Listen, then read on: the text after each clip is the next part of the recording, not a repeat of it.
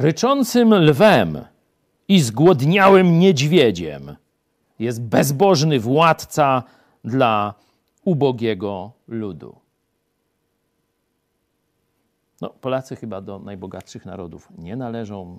Różni nas tu okupowali, łupili i tak dalej. I zobaczcie, jeśli mamy bezbożną władzę, bezbożnego władcę, bezbożnych rządzących, to jest to tak niebezpieczne, jak kontakt z ryczącym lwem i zgłodniałym niedźwiedziem, że po prostu mogą nas rozszarpać.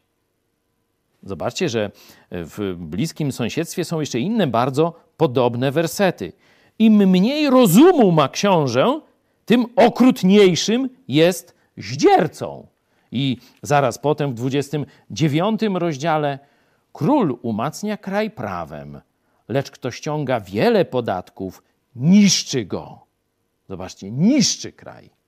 Tam przedstawione jest bezbożny władca jako dzikie zwierzę, które chce nas rozszarpać. Tu, można powiedzieć, taka stateczna, ekonomiczna diagnoza. Kto ściąga wiele podatków, niszczy go.